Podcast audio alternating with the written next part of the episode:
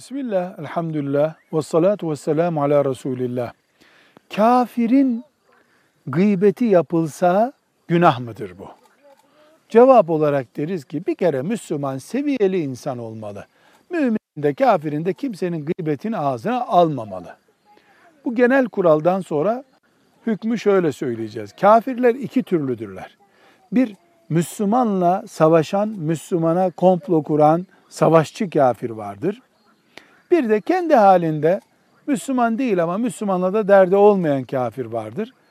Müslümanla derdi olmayan, Müslümanla barışık kafirin gıybetinin yapılması onun onurunun zedelenmesidir. Bunu caiz görmüyoruz. Ama Müslümanla savaşan kafir zaten Müslümanla savaşarak kendi onurunu ve saygınlığını yok kabul etmiştir. Onun gıybeti haram değildir. Velhamdülillahi Rabbil Alemin.